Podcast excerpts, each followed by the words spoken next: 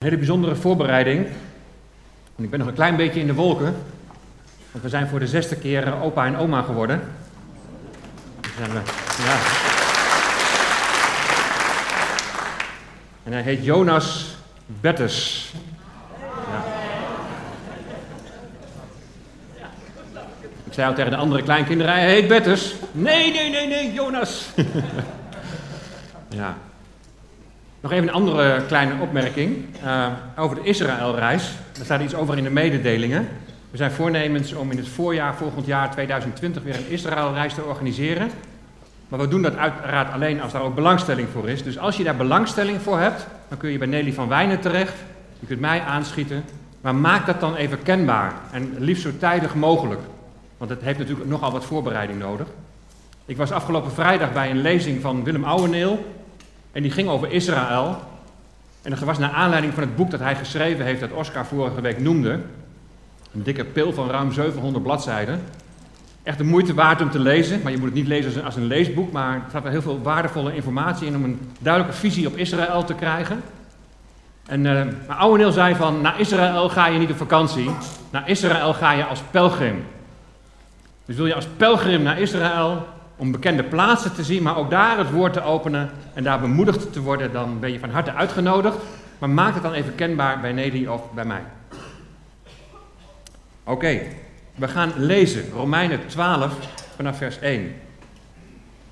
Romeinen 12 vanaf vers 1. En dan lezen we het volgende. Ik roep u er dan toe op, broeders, door de ontfermingen van God om uw lichamen aan God te wijden als een levend offer, heilig en voor God welbehagelijk. Dat is uw redelijke godsdienst. En wordt niet aan deze wereld gelijkvormig, maar wordt innerlijk veranderd door de vernieuwing van uw gezindheid of de vernieuwing van uw denken. Om te kunnen onderscheiden wat de goede, welbehagelijke en de volmaakte wil van God is. Want door de genade die mij gegeven is, zeg ik ieder onder u niet hoger te denken dan hij moet denken, maar laat hij denken in bescheidenheid. Naar de mate van geloof zoals God die aan ieder heeft toebedeeld.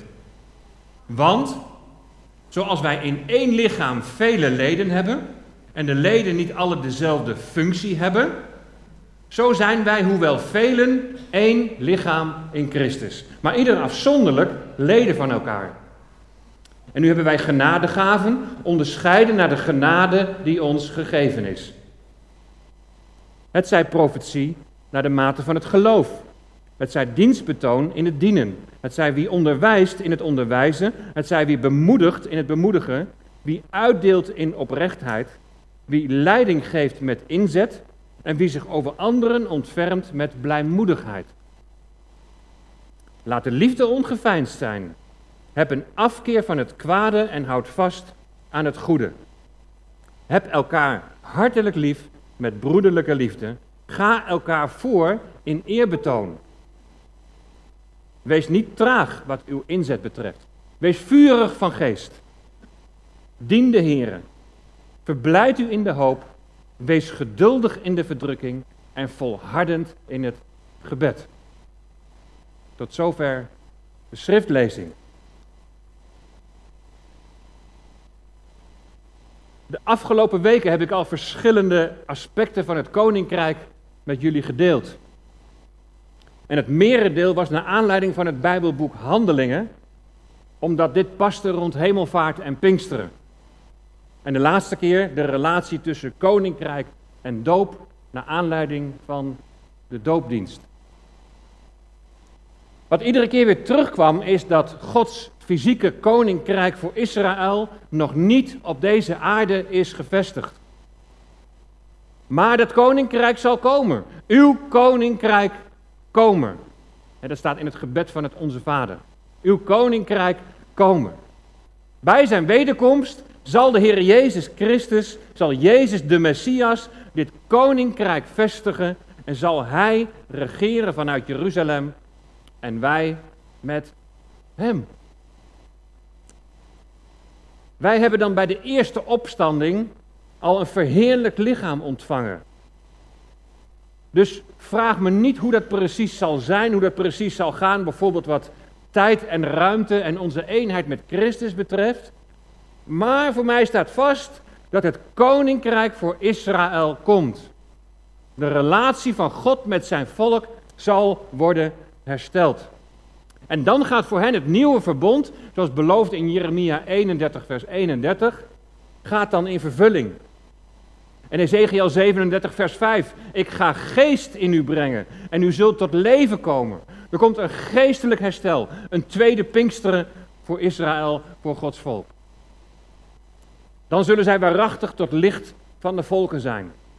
De shalom, de wereldvrede, die zal uitgaan vanuit Jeruzalem. Dat koninkrijk, dat vrederijk, dat komt als Jezus voeten zullen staan op de olijfberg. Dus bij zijn wederkomst. Maar het is nog steeds niet de eeuwige volmaakte toestand. Ook voor dat rijk geldt nog steeds een totdat. Het is nog niet de nieuwe aarde.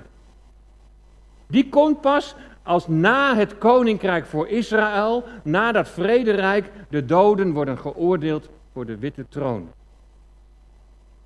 Dus het koninkrijk betekent een toekomstig herstel van de relatie van God met zijn volk. En wij, die al verenigd zijn met Christus, die al delen in de zegeningen van dat nieuwe verbond, die zullen regeren met Hem.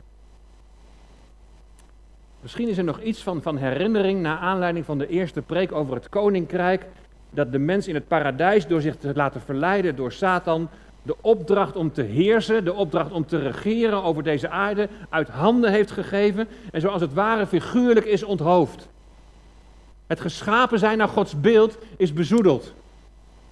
De mens is als het ware een lichaam zonder hoofd. En dat wordt in Christus wordt dat hersteld. Hij herhoofd als het ware. Hij is het hoofd, wij zijn lichaam. Zoals we dat hier in Romeinen 12 net hebben gelezen. En het geeft een intieme, maar ook een onlosmakelijke verbondenheid met Hem, met Christus, die ons hoofd is. Wij in Hem en Hij in ons.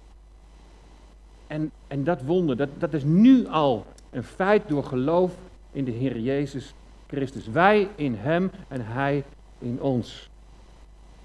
Waar Hij is, daar zijn wij ook.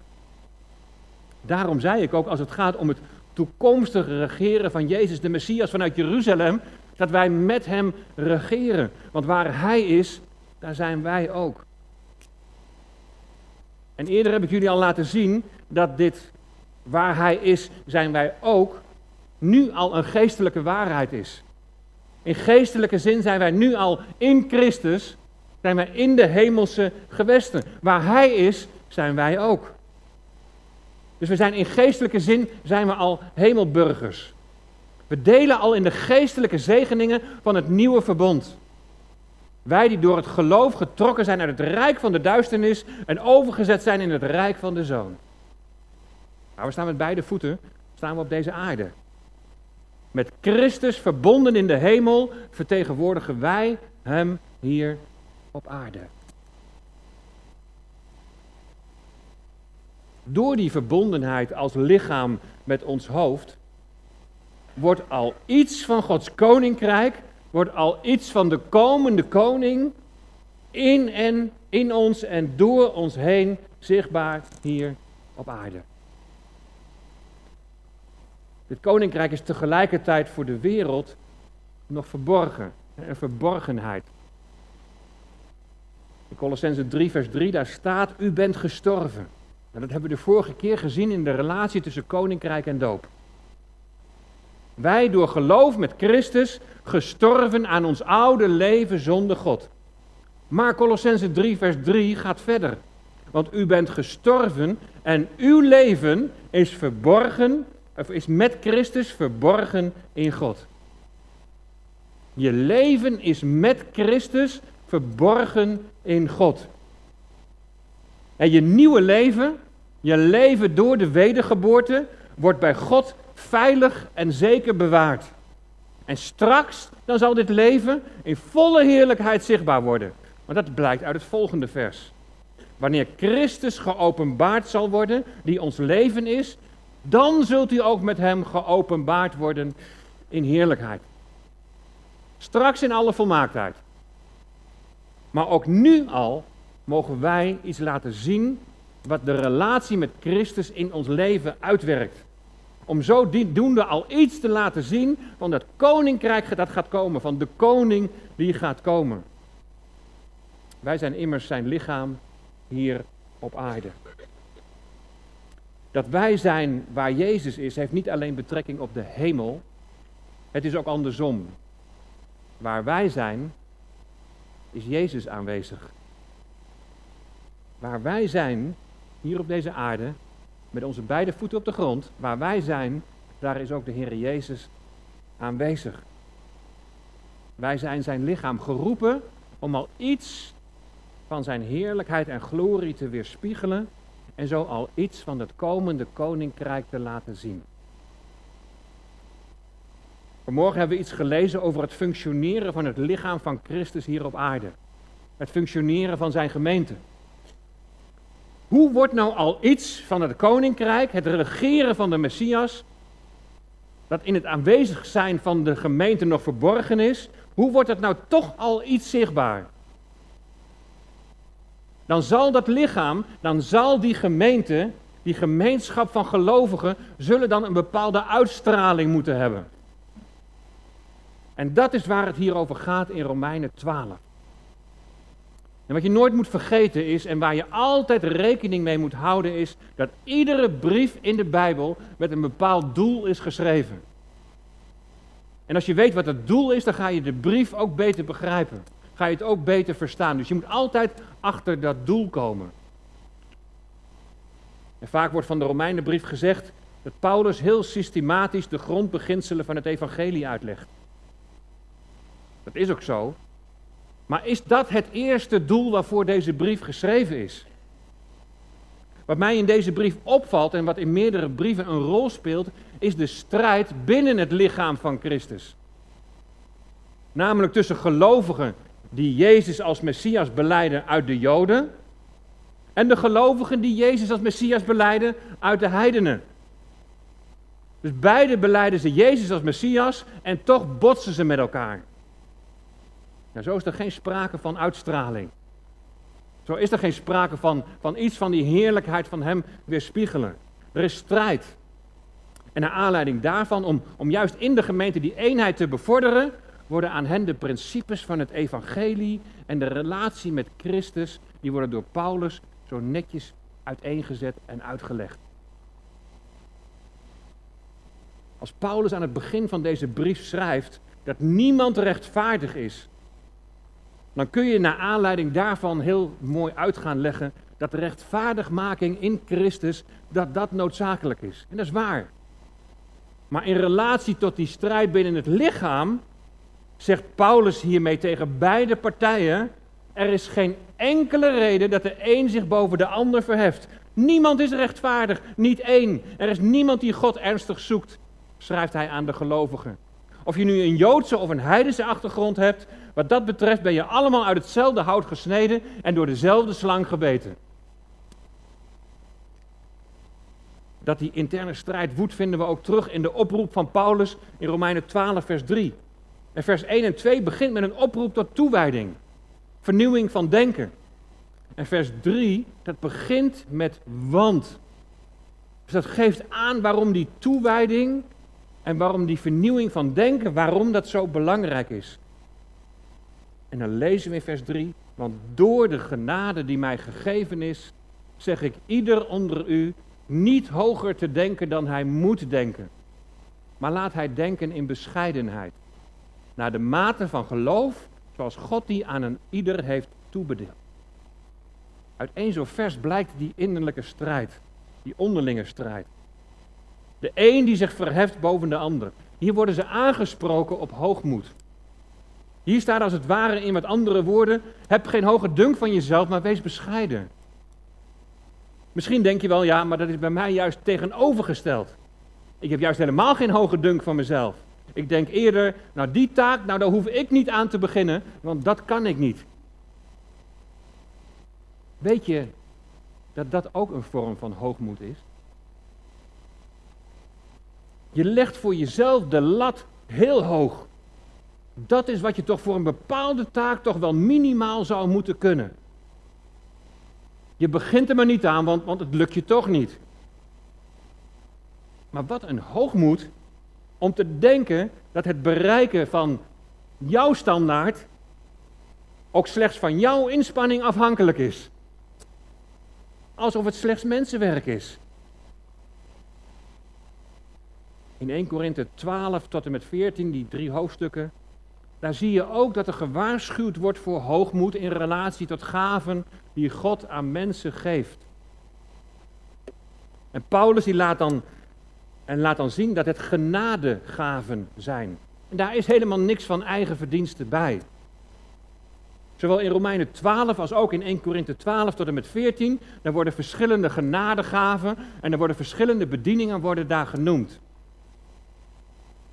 Bedenk allereerst dit. God is de gever van de gaven. De gever van de bedieningen. En jij bent de ontvanger. En je ontvangt niet omdat God denkt van, nou die doet dat zo goed, zo goed, die ga ik daar nog verder in helpen. Nee, je ontvangt door genade. Besef je dat als je iets doet binnen het lichaam van Christus, als je iets doet binnen de gemeente, dat je dankbaar mag zijn dat God je deze genade heeft gegeven om dat te mogen doen. En daar bruikbaar te mogen zijn. En als Paulus dan van alles over het zijn van het lichaam van Christus en de toedeling van de genadegaven heeft uitgelegd, dan legt hij in 1 Korinthe 13 uit dat die gaven zonder de liefde helemaal niks betekenen. Precies hetzelfde zien we hier in Romeinen 12. Vers 3, eerst de hoogmoed. Vers 4 tot en met 8, de genadegaven binnen het lichaam van Christus. Maar dan vers 9, net als in 1 Korinthe 13, laat de liefde ongeveind zijn. Nou, laat dit even de kapstok zijn voor de verdere uitleg van Romeinen 12. We leggen hier de basis voor de principes van dienen binnen de gemeente. Hoe voorkom je hoogmoed? Hoe voorkom je dat de een zich verheft boven de ander? En hoe voorkom je dat mensen al bij voorbaat zeggen: ja, maar dat kan ik niet? Maar de basis daarvoor ligt in Romeinen 12, vers 1 en 2. Paulus die benadrukt hier dat het belangrijk is dat jij je lichaam aan God wijdt als een levend offer. Dat betekent dat je zegt, Heer, hier ben ik met het verlangen om uw wil te doen. Je bent beschikbaar. Om hoogmoed te voorkomen, moet je het brengen van een offer niet uitleggen als een prestatie van jouw kant. Kijk eens wat ik nu dan toch allemaal daarvoor over heb, wat ik allemaal doe. Om te voorkomen dat je zegt dat je dat niet kunt, moet je dit vers ook niet zo uitleggen dat het een prestatie van jouw kant is. Dat het vanuit jou zou moeten zijn. Paulus die roept hiertoe op je lichaam aan God toewijden door de ontfermingen van God. Door Gods barmhartigheid. Doordat God zich over jou ontfermt. Dat is de basis. Jij bent niet de bron als het gaat om jouw toewijding. Als het gaat om jouw beschikbaar zijn om God te dienen. Als je denkt dat jij zo geweldig bent, want kijk eens wat je doet voor de Heer. Of als je denkt, nou dat kan ik allemaal niet. Dan moet je vernieuwing van denken moet worden aangescherpt. De Heer Jezus Christus, die door zijn geest in jou woont, is je bron. Hij is jouw bron van toewijding. In overgave aan de leiding van zijn geest, zijn geest die jou bekwaam wil maken, leer je onderscheiden van wat de goede, welbehagelijke en volmaakte wil van God is. Wordt innerlijk veranderd. In het Grieks staat een metamorfo, hè, van metamorfose. Laat er een metamorfose plaatsvinden in je denken. Een vernieuwing van denken. Laat je niet vormen door een wereldsdenken, ik gericht, wat hoogmoedig is. Een denken, dat, een denken dat doordrenkt is van wat jij allemaal te bieden hebt. Of juist tegenovergesteld, dat je, dat je denkt dat je het allemaal niet kunt. Dat is ik-gericht denken. Dat is werelds denken. Maar denk, denk Godgericht. en bedenk in nederigheid van wat Hij allemaal in jou zou willen en kunnen uitwerken. Hij is de gever. En je mag je handen open houden. Heer, wat wilt u geven?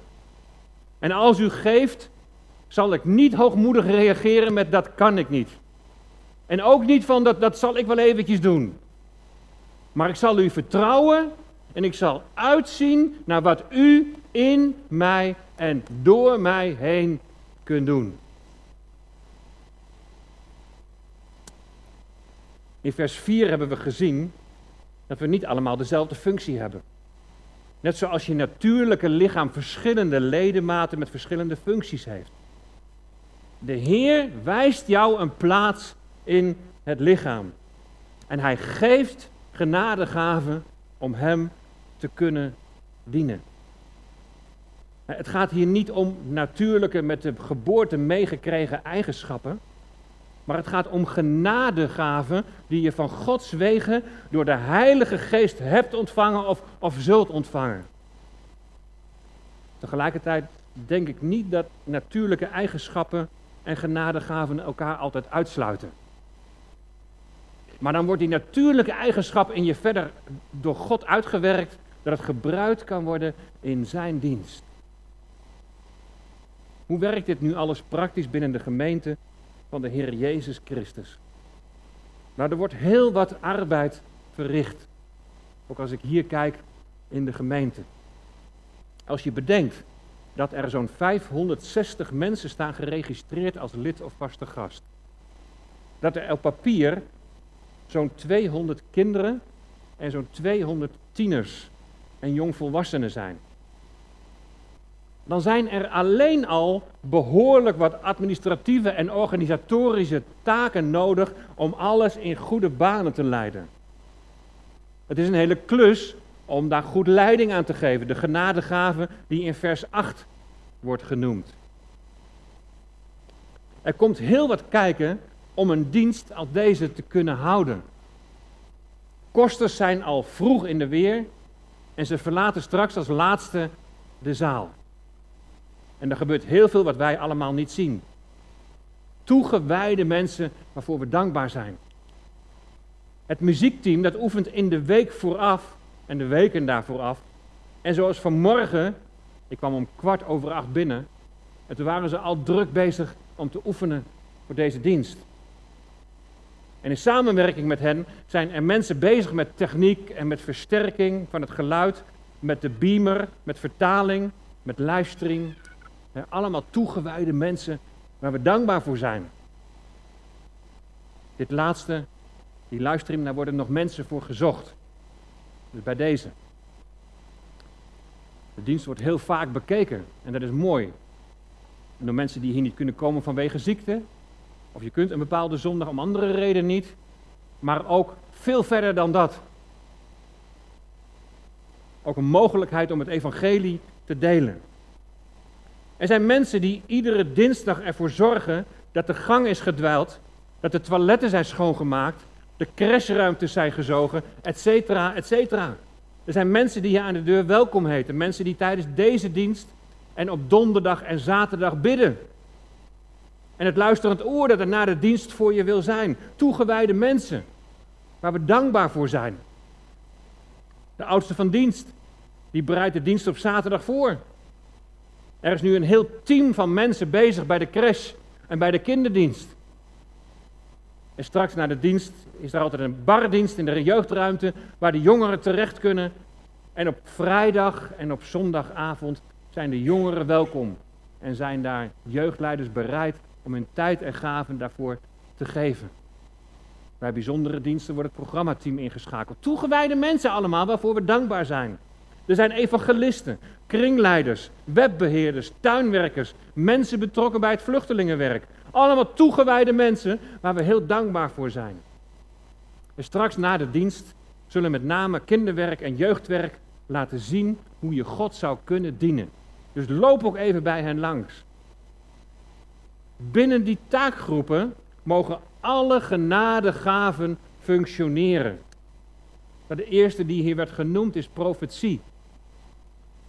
Nou, dan spreek je volgens 1 Korinthe 14, vers 3, spreek je woorden van opbouw, van vermaning of troost, die de Heilige Geest op je hart legt om door te geven. Dienstbetoon, diaconia wordt genoemd. Nou, dat is heel breed. Dienen. Het onderwijzen zit je misschien niet direct in je, maar je kunt wel heel praktisch ondersteunen. Je bent misschien wel iemand die op een hele bijzondere wijze mensen of jongeren of kinderen met elkaar kan verbinden. Je ontfermt je over mensen met blijmoedigheid. Misschien zit leidinggeven je wel in het bloed of lijkt het erop dat God je daarin wil bekwamen. En bij al deze gaven die hier worden genoemd, en dit is niet uitputtend, want er zijn er veel en veel meer, maar bij al deze gaven lees je dat oprechtheid en inzet en blijmoedigheid heel belangrijk zijn. Uitdelen in oprechtheid, leiding geven met inzet en je over anderen ontfermen met blijmoedigheid. Hier zie je een overzicht van mogelijkheden om binnen de kinderdienst te kunnen dienen. Met name binnen groep 4 en 5 is er nog behoorlijk wat ruimte. Welke gave heeft God jou gegeven? Of welke mate van geloof heb je dat God jou die gave zal gaan geven? Welke mate van geloof, van vertrouwen heb je dat God je hierin zal bekwamen? Want we zouden niet bij voorbaat zeggen, ja maar dat kan ik niet. Dat is ik gericht. Nee, we vertrouwen op de werking en het bekwaam maken van de Heilige Geest. En we zien hier zo'nzelfde overzicht van het jeugdwerk.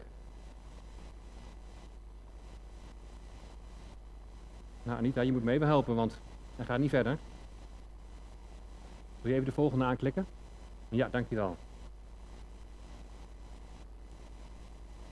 Met name bij de 16 plus en de 18 plus kunnen we nog wel wat mensen gebruiken. Maar ook voor het organiseren van events voor de jongeren in de gemeente. Nou, niet dat klik maar door, want ik weet niet waarom hij het niet doet. Ja, dank je. Ook hier zie je in het rood nogal wat open plekken waar je je plaats in zou kunnen nemen. Ik heb van de jeugdleiding heb ik een paar wist u datjes doorgekregen. En misschien wil Anita ze gelijk even met mij doorklikken. Een aantal wist u datjes. Wist u dat we in de fontein op papier bijna 200 jongeren in de leeftijd van 12 tot 20 hebben? Dat van deze 200 jongeren twee derde in beeld is en dat gemiddeld ongeveer de helft van de jongeren naar de jeugdavond komt. Dat we verschillende jeugdgroepen hebben. Dat is de volgende. Soul Spark 12 plus, Soul Flame 14 plus, allebei op vrijdag. Soul Fire 16 plus en Forever Young 18 plus, allemaal op zondagavond. Dat er naast de jeugdavonden dus ook die overkoepelende activiteiten zijn onder de naam Souls United. Dat er voor de jeugdavonden 13 jeugdleiders zijn en er nog 10 worden gezocht. Dat er voor de overkoepelende jeugdactiviteiten nog 7 werkers nodig zijn. En dat de jeugdleiders na de dienst actief rondgaan met de vraag: wil je meedoen? Zomaar even gewoon, zo even tussendoor om jullie een beeld te geven van een aspect van het gemeentewerk. Hoe kun je nu al iets van de Heer Jezus weer spiegelen en al iets van het komende koninkrijk, van de komende koning laten zien? Hoe kun je dat praktisch maken? Dat doe je door de Heer te dienen. Je wijdt je toe doordat Hij zich over jou ontfermt en je bent beschikbaar in het besef dat je niets van jezelf kunt. En in dat dienen, vers 9, staat de liefde bovenaan. In dat dienen staat de liefde bovenaan. De broederlijke liefde. We gaan elkaar voor in eerbetoon. Dat betekent we hebben respect en we hebben hoogachting voor elkaar. De liefde, de liefde door de geest in onze harten uitgestort, is de basis voor het dienen van de Heer. Vers 9 en 10 laat zien hoe de cultuur van omgaan met elkaar zou moeten zijn. In vers 11 lees je met welke instelling je dient. En je bent een dienstknecht van de Allerhoogste en dat betekent dus dat je dient met toewijding. Dat betekent dat je niet traag bent wat je inzet betreft. Misschien zeg je wel, ja, maar ik ben niet zo snel. Ja, nou, dat is niet wat hier wordt bedoeld. Het gaat erom dat je niet bewust vertraagt, want dat is een vorm van luiheid. Wat die inzet betreft, gaat het allereerst om liefdebetoon. Daarin mag je niet vertragen. Dat moet hoog op de agenda staan. Het belang daarvan, dat moet je voortdurend beseffen. Wees niet traag en toon je bereidheid om te dienen. Je bereidt je kinderdienst of je jeugdavond voor, want het is voor de Heer. En je wilt de Heer Jezus weer spiegelen. Je bereidt het voor en je bent trouw aanwezig omdat je van de kinderen en van de jongeren houdt. Door trouw en inzet weerspiegel je iets van de Heer Jezus, van de komende koning. Wees vurig van geest. Dat is de tweede.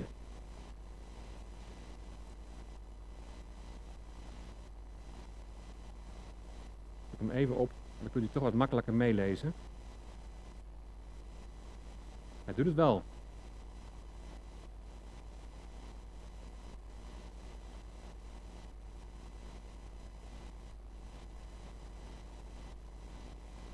Daar was het. Dan zie je de eerste, dat was dus wees niet traag wat uw inzet betreft. En de tweede is wees vurig van geest. Letterlijk staat daar kokend van geest. Bruisend. Niet door kracht. Ik zal dat wel eens eventjes doen. Niet door geweld. Maar door mijn geest, zegt de Heer. Dien in overgave. Dien in afhankelijkheid met passie en met enthousiasme. En dat zit allemaal in dat kokend van geest. Tot slot drie adviezen in vers 12 om het vol te houden. De eerste is, verblijd u in de hoop. Hoe hou je vol? Verblijd u in de hoop. Kijk vooruit als het tegenzit. Kijk vooruit naar het einddoel. De koning, de Heer Jezus Christus komt. Herstel voor zijn volk en uiteindelijk die volmaakte heerlijkheid. Het tweede is, wees geduldig in de verdrukking. Als je God gaat dienen, wat je ook gaat doen, er zal verdrukking zijn. Geduldig zijn betekent stand houden. Houd stand in de verdrukking. Geef niet snel op. Blijf vertrouwen. Blijf voor ogen houden wat je diepste motief is om te dienen. Hou vol. En dan als derde een hele belangrijke, volhard in het gebed. Als de discipelen voor de aanvang van hun taak een zalving van de geest ontvangen in Handelingen 1, dan gaan ze eensgezind volharden in bidden en smeken. Bidden laat zien dat je Gods wil zoekt. Bidden laat zien dat je, dat je vraagt en dat, dat je overlegt. In gebed vraag je om wijsheid. Je vraagt om kracht om vol te houden. In gebed laat je zien dat je afhankelijk bent. Verblijd u in de hoop, wees geduldig in de verdrukking en volhard in het gebed. We gaan nu een vakantieperiode in. Een tijd van rust, maar wellicht ook een tijd van, van bezinning. Waar wil de Heer mij inschakelen? Spreek straks met mensen, krijg een indruk wat de mogelijkheden zijn en bid ervoor. Wees niet traag wat uw inzet betreft, wees vurig van geest, dien de Heer. Of zoals de nieuwe Bijbelvertaling het zegt, laat uw enthousiasme niet bekoelen, maar laat u aanvuren door de geest en dien de Heer. En het begint met beschikbaar willen zijn. We gaan zingen en zing het als een gebed en zing het ook als een uh, verlangen. Hier is mijn hart, Heer. Schijn in mij, u die leeft in mij.